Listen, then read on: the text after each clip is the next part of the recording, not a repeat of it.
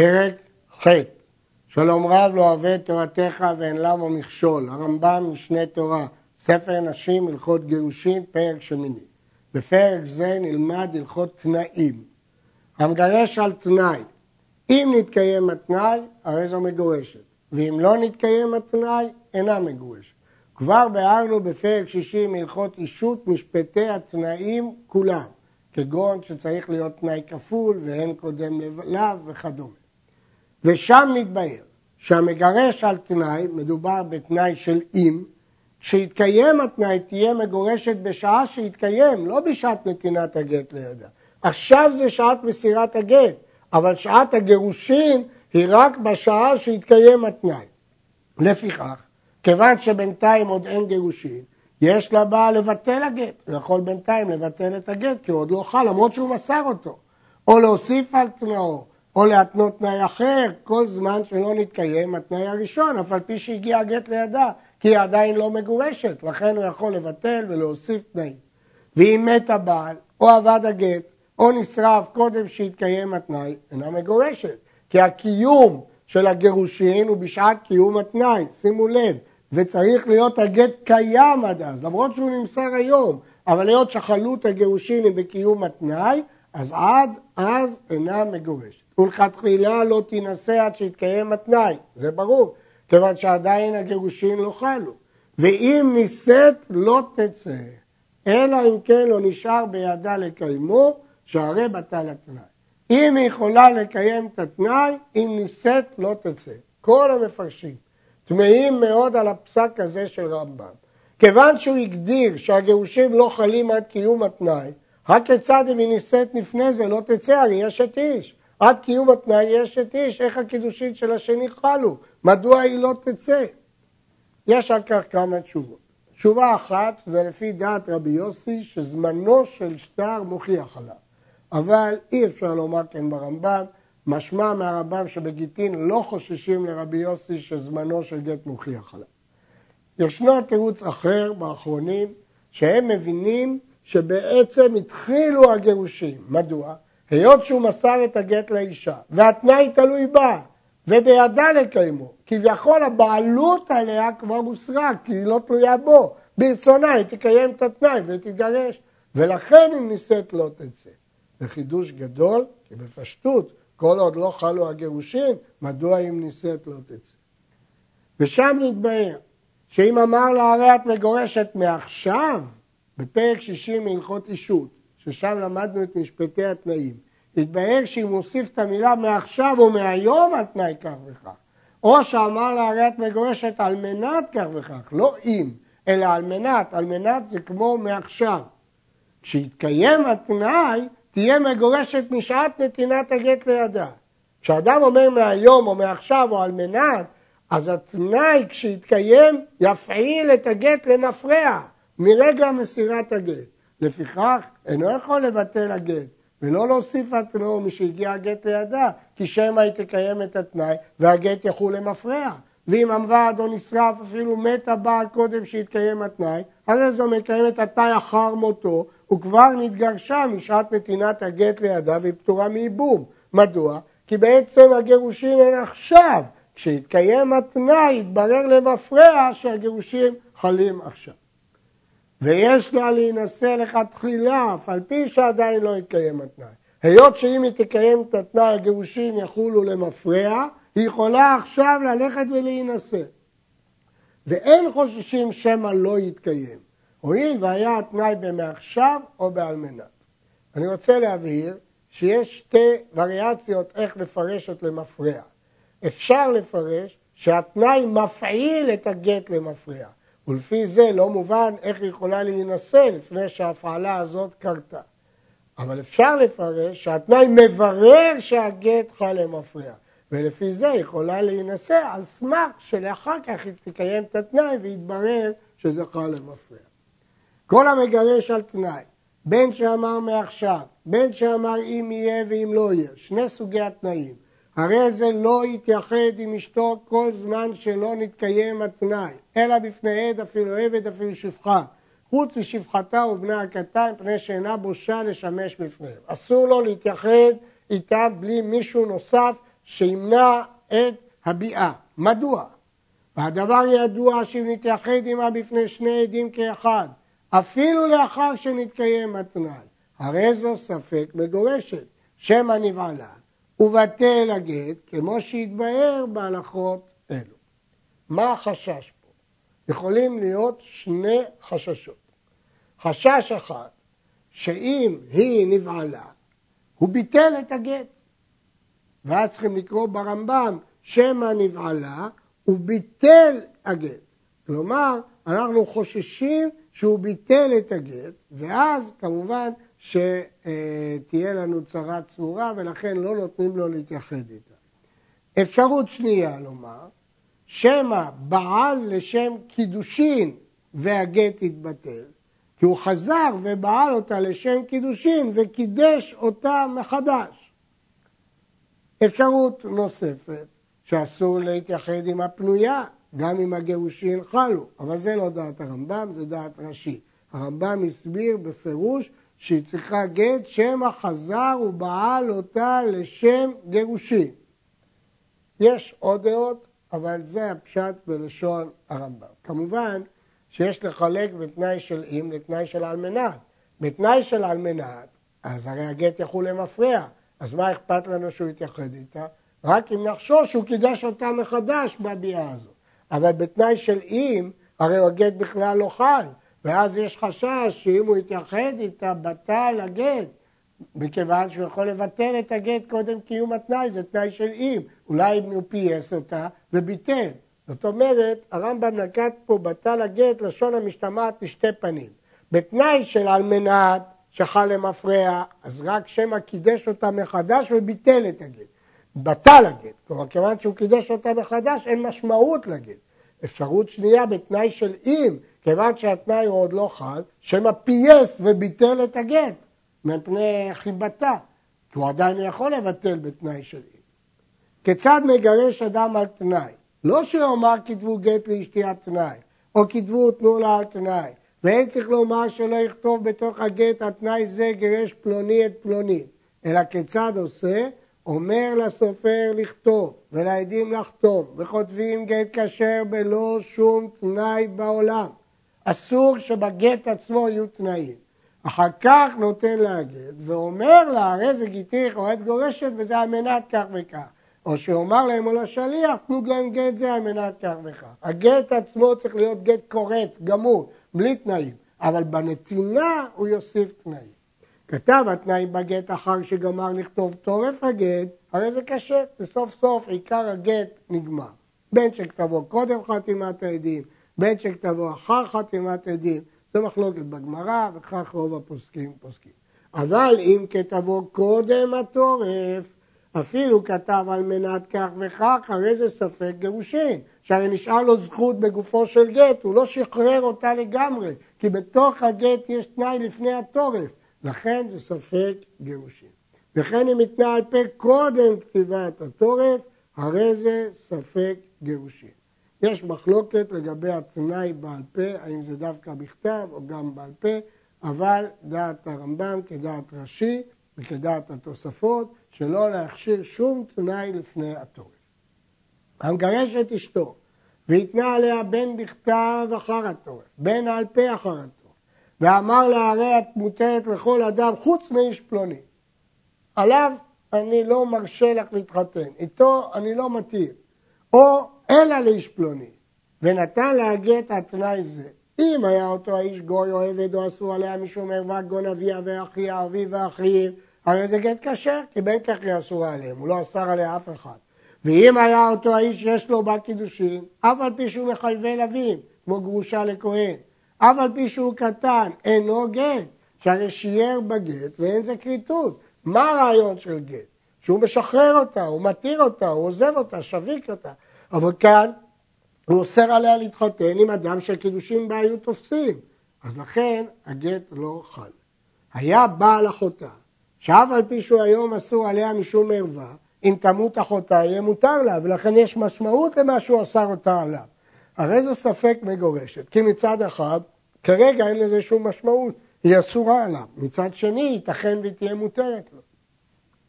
אמר לה הרי את מותרת לכל אדם, חוץ ממי שייוולד, שאינו אתה בעולם, או חוץ מזנותך, כלומר תהיי מותרת להינשא לכל אדם, אבל לזנות הרי את באיסור אשת איש.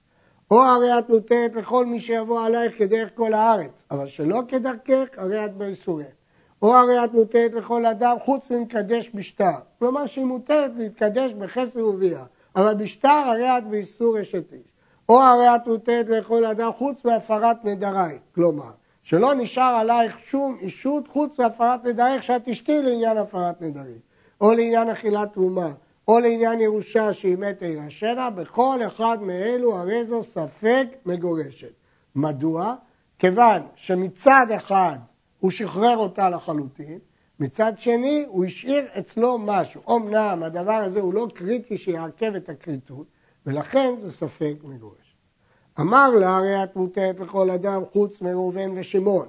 וחזר ואמר לה הרי את מותרת לראובן ושמעון, הרי זו מגורשת. שהאנשים שהתנה בהם לאסור, הרי התירה, ובטל התנאי.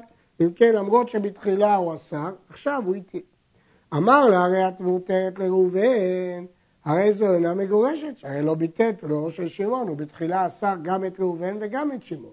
אמר לה, הרי את מותרת לשמעון, או שאמר לה, מותרת אף לשמעון, הרי זה ספק גירושין. שמא לא התירה אלא לשמעון וראובן באיסורו עומד. וזה שאמר אף לשמעון, כלומר לכל אדם אף לשמעון, אבל לא לראובן. או שמא התירה לכל. וזה שאמר לשמעון הוא הדין לראובן, ששמעון סמוך היה לראובן בתנאו. כיוון שהוא אמר בתנאי ראובן ושמעון, והוא התיר את שמעון, מן הסתם הוא התיר גם את ראובן, אז זה ספק. התנה עליה ואמר, היום אין את אשתי, ולמחר את אשתי, אינה מגורשת, אף על פי שקראת בינו לבינה היום, לפיכך כותבים בגיטין, מן היום הזה ולעולם. יש חולקים ואומרים שכיוון שהיום הוא אמר שהיא לא אשתו, כבר חלה הכריתות, וכל מה שהוא אמר על מחר בטל, כי הכל נפסק, ולכן זה גט. דעת הרמב"ם שהיא אינה מגורשת. הרבה פוסקים כותבים שזה ספק, ומה שכותבים בגיטים מן היום הזה לעולם זה לחומרה. בכל אופן, אה, המגיד סובר שראוי להחמיר שהיא ספק מגורשת, כיוון שייתכן לומר, כיוון שפסקה, פסקה. אבל דעת הרמב"ם שכל צורת הגירושין הזאת בטלה. הרי זה גיתיך על מנת שלא תשתי יין כל ימי חייך. אינו גט, שאין זה כריתות. הוא הציב עליה תנאי שקושר אותה אליו, אז הוא לא כרת אותה ממנו, היא אסורה לשתות יין כל ימי חייה. אם הוא אמר כל ימי חיי, או כל ימי חיי פלוני, הרי זה גט, שהיא כרת בינו לבינה, ולא תישאר לו עליה רשות כשימות אותו פלוני. כאילו הוא קצב זמן, אבל אחרי הזמן הזה היא תהיה מותרת, אז יש פה כריתות. הרי זה גיתיך על מנת שלא תלכי לבית אביך עד שלושים יום, הרי זה גט, כי אחרי שלושים יום היא תוכל ללכת. שלא תלכי לבית אביך לעולם, אינו גט, שאין זה כריתות. לפיכך האומר לאישה, הרי זה גיתיך על מנת שלא תאכלי בשר זה לעולם. על מנת שלא תשתי זיין זה לעולם, אינו גט, שאין זה כריתות. עד שלושים יום הרי זה גט. יש שואלים. והרי כשאביה ימות, לא שיהיה התנאי הזה. אז למה זה לא דומה כשהוא אסר על פלוני, שאחרי שפלוני ימות היא מותרת? התשובה היא כי זה לא דומה כלל. שם התנאי היה לפלוני, אחרי שימות פלוני היא מותרת. פה כל התנאי היה בית אביך, והיא לעולם לא תהיה מותרת בבית אביה. כשאביה ימות זה כבר לא בית אביה, ולכן זה לא כריתות לעולם. הרי זה גיתיך על מנת שלא תנסי לפלוני, אינו גט. הלמה זה דומה? ואומר לה על מנת שלא תשתי יין זה לעולם, או שלא תלכי לבית אביך לעולם, או כל ימי חייך. אבל אם אמר לה על מנת שלא תנסי לפלוני עד חמישים שנה, הרי זה גט, ולא תינשא לו כל זמן שהתנה. מדוע? כי הוא הגביל ואמר חמישים שנה. ואם נישאת, בטל הגט למפרע. זינית עמו, עוולת כשר והגט כשר. שלא התנה עמה אלא על הנישואין. הרי זה גיתיך, על מנת שתינשאי לפלוני. אם נישאת לו, הרי זה גט כשאר כל התנאים. הוא אמר, הרי זה גיתיך על מנת שתינשאי לפלוני, והיא נישאת, זה גט. אבל אמרו חכמים, לא תינשא לא לאותו פלוני ולא לאחר. מדוע? לאותו פלוני לא תינשא, שמא אמרו נשיהם נותנים זה לזה במתנה. ולכן אסרו חכמים שהיא תינשא לפלוני. ולאחר לא תינשא, שאינו גט אלא בקיום התנאי. ואם כן היא לא תוכל להינשא לפלוני. אף על פי שייתכן שהוא יגרש אותה ואחר כך היא תינשא לפלוני. עברה ונישאת לאותו פלוני, לא, לא תצא. למה? כי זה רק גזירה רבנן, שלא יאמרו נשיהם נותנים זה לזה. אבל בדיעבד לא תצא. אבל נישאת לאחר קודם שנישאת לו, לאותו פלוני, בטל הגט ותצא, והבלד ממזר, הוא צריכה גט משני. מדוע? כי התנאי לא יכול להתקיים. התנאי היה שהיא תינשא לפלוני, אבל עכשיו היא נישאת לאחר ולא תוכל להינשא לפלוני. ולכן הבלד ממזר. שואל הרעב"ד, למה הבלד ממזר? יש פתרון פשוט, שאותו אחר יגרש אותה, ואז היא תינשא לפלוני, ואז למפרע הגט גט, ואז למפרע יתברר שהבלד לא ממזר. הלכה י"ד הרי זה גיתיך והנייר שלי אינה מגורשת, שאין זה כריתות עם הנייר שלו, הרי שהיא לא קיבלה את הגט, אלא אותיות פורחות באוויר, אין זה כריתות, הוא לא נשאר אצל הבעל חלק מהגט. על מנת שתתני לי את הנייר, הרי זה גט ותיתן, כיוון שהיא קיבלה את הגט, אלא התנאי הוא שהיא תחזיר את הנייר, אבל היא קיבלה את הגט, והיא תקיים את התנאי והיא מגורשת. חקק הגט על טס של זהב ונתנו לה, ואמר לה הרי זה גיתיך וכתובתיך, כשר ונתקבלה כתובתה. אם יש בטס כדי כתובתה, ואם אין בו, ישלים לה כתובתה. הוא נותן לה את הגט בתור גירושין, ואת החומר שעליו כתוב הגט בתור תשלום על כתובתה. אין בזה שום בעיה, הרי היא קיבלה את הגט, וקיבלה את הטס שעליו כתוב הגט, ולכן הוא יכול להשתמש בו בתור תשלום לכתובה. כל המגרש על תנאי שמבטל הגט, כגון שהתנה עליה שלא תשתה יין כל ימי חייה, שלמדנו שאין זה כריתות כי הוא מגביל, הוא שומר לו זכות אצלו. או שתהיה מותרת לכל אדם חוץ מפלוני, שלמדנו שגם זה תנאי שמבטל את הגט. או שהתנה שאר תנאים קודם כתיבת התורף, שאמרנו שאי אפשר לכתוב תנאים לפני התורף. אם היה התנאי כתוב בגט וחזר ומחקו ונתנו לה, הרי זו ספק מגורשת. מדוע? כיוון שכשנכתב הגט לא היה בו כריתות, הוא היה גט מקולקל, יש ספק האם המחיקה מבררת שנכתב כהוגן או לא. אבל אם היה תנאי על פה, הרי זה נוטה לגט ממנה וחוזר ונותנו לה בתנאי כשר או בלא תנאי כלל. אם כשהוא נתן לה את הגט, הוא אמר בעל פה תנאי שגורם לבטל את הגט, יוצא שנתינת הגט איננה כלום, ייטול ממנה את הגט ויחזור וייתן לה בלי תנאים, ואז הגט, הנתינה כשרה לגמרי והאישה מגורשת. מדוע? כי במקרה הקודם הוא כתב אותו בתוך הגט, אז השטר, הגט עצמו, יש איתו בעיה, ולכן זה ספק אם המחיקה תועיל או לא. אבל כאן הגט כשר, הוא רק אמר תנאי מקולקל, ולכן המסירה של הגט אין לה שום משמעות, היא לא גירשה אותה. אז הוא ייקח את הגט חזרה, ועכשיו ייתן לה בפעם השנייה בלי שום תנאי. כיצד? הרי שנתן גט לאשתו ואמר לה, הרי את מגורשת בזה, ומותרת לכל אדם חוץ מפלוני, שזה תנאי שמבטל את הגט. אם נטלו ממנה, וחזר ונתנו לה, ואמר לה, הרי את מותרת לכל אדם, או הרי זה גיתיך, הרי זו מגורשת, וכן כל כיוצא בזה, כפי שביארנו קודם. הלכה י"ח הנותן גט לאשתו על תנאי שתיתן לו 200 זוז, וחזר והתנה עליה תנאי אחר בפני עדים, שתשמש את אביו שתי שנים. לא ביטלו דבריו האחרונים את הראשונים, אלא הרי זה כאומר לה, עשי אחד משני תנאים, רצת משמשת, רצת נותנת, ואין אחד מן הראשונים ואחד מן האחרונים מצטרף. כאן מה מדובר פה? לפי פירוש הרמב"ם, מדובר שכשהוא נתן לה את הגט בפני עדים הוא התנה תנאי, שהיא תיתן לו 200 זוז. אחרי זמן הוא חזר והתנה תנאי אחר.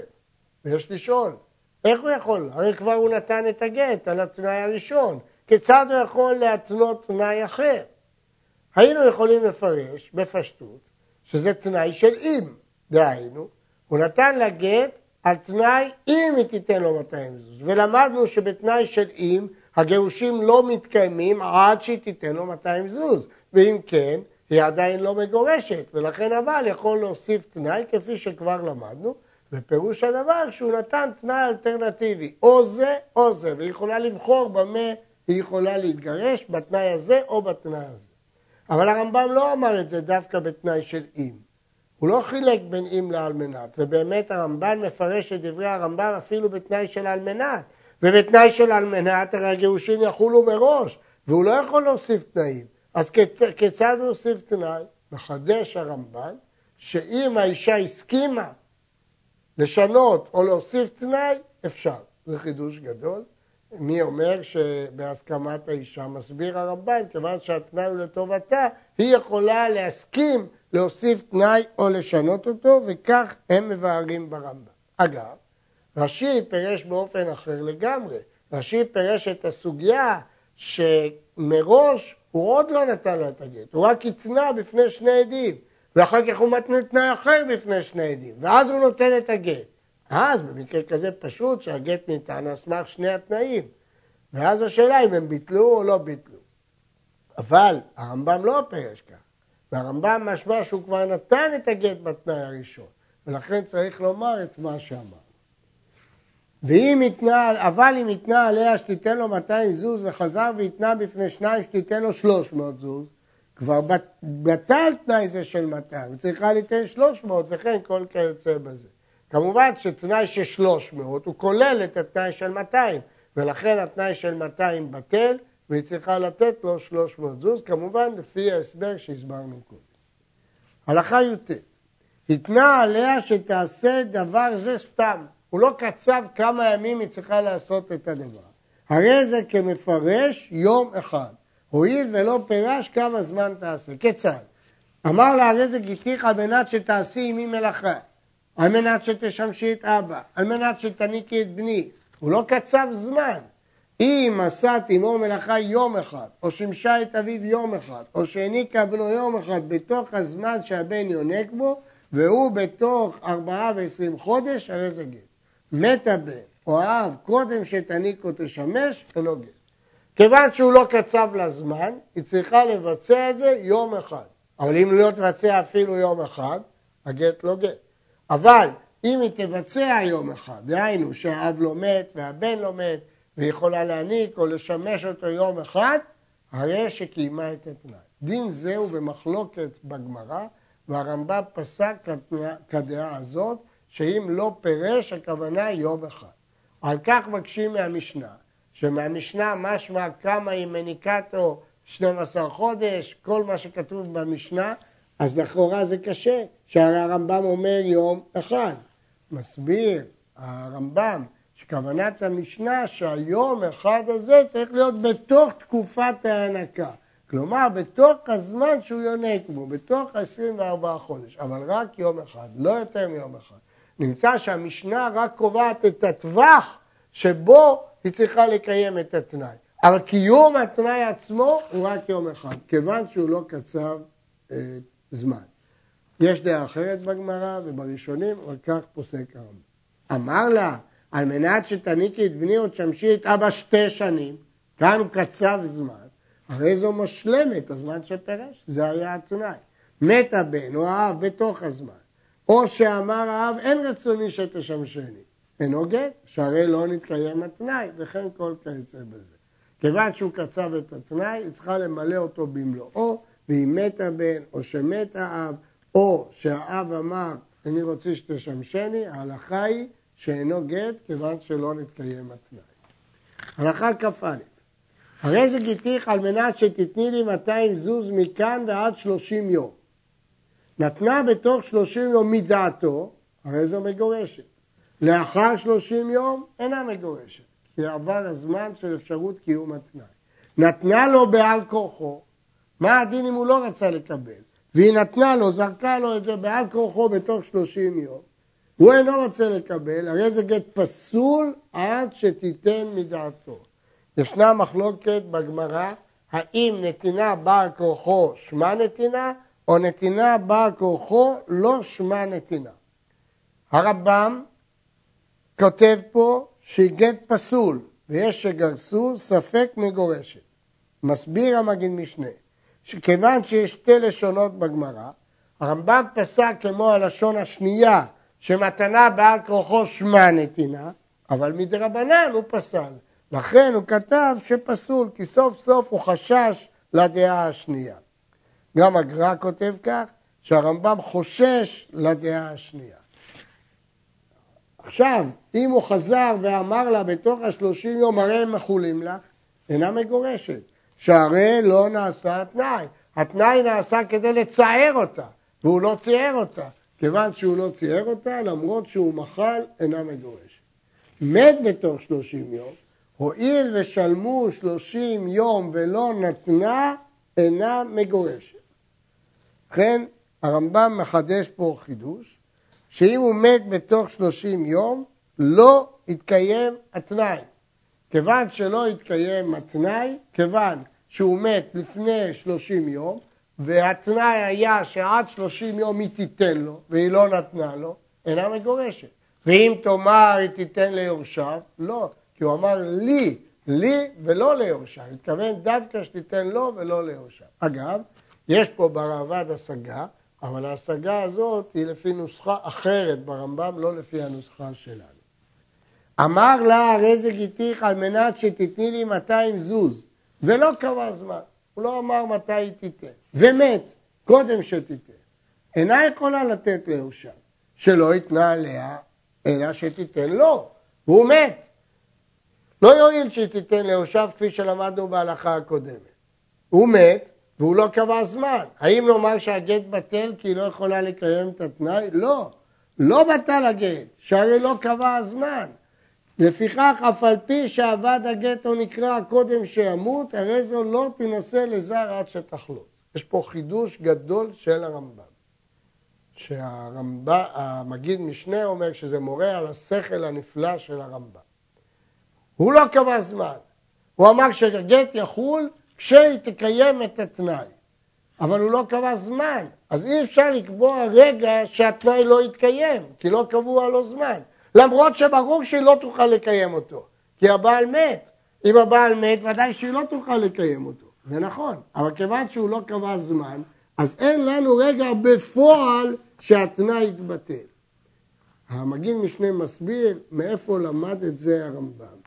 הרמב"ם למד את זה ממקרה של הרי זה גיתיך מעכשיו אם לא באתי מכאן ועד י"ב חודש ומת בתוך הזמן, אז היא לא יכולה להינשא כשיש יבם. למה?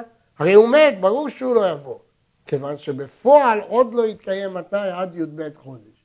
מאותו עיקרון למד הרמב"ם, שאם הוא לא קבע שום זמן, אז אין יום שאפשר לקבוע בו שבטל התנאי, ולכן הגט לא בטל, ולכן היא לא יכולה להינשא לזר בלי לחלות.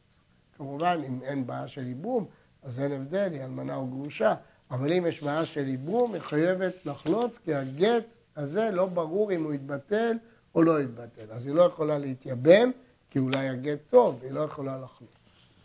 אלא לחלוץ. כ"ג הרי זה גיתיך על מנת שתתני לי כלי פלוני, או בגד פלוני, ועבד אותו כלי, או אותו בגד, או נגנב. אף על פי שנתנה לו אלף בדמיו, אינו גט, עד שתיתן אותו כלי, אותו בגד עצמו, או עד שיבטל התנאי.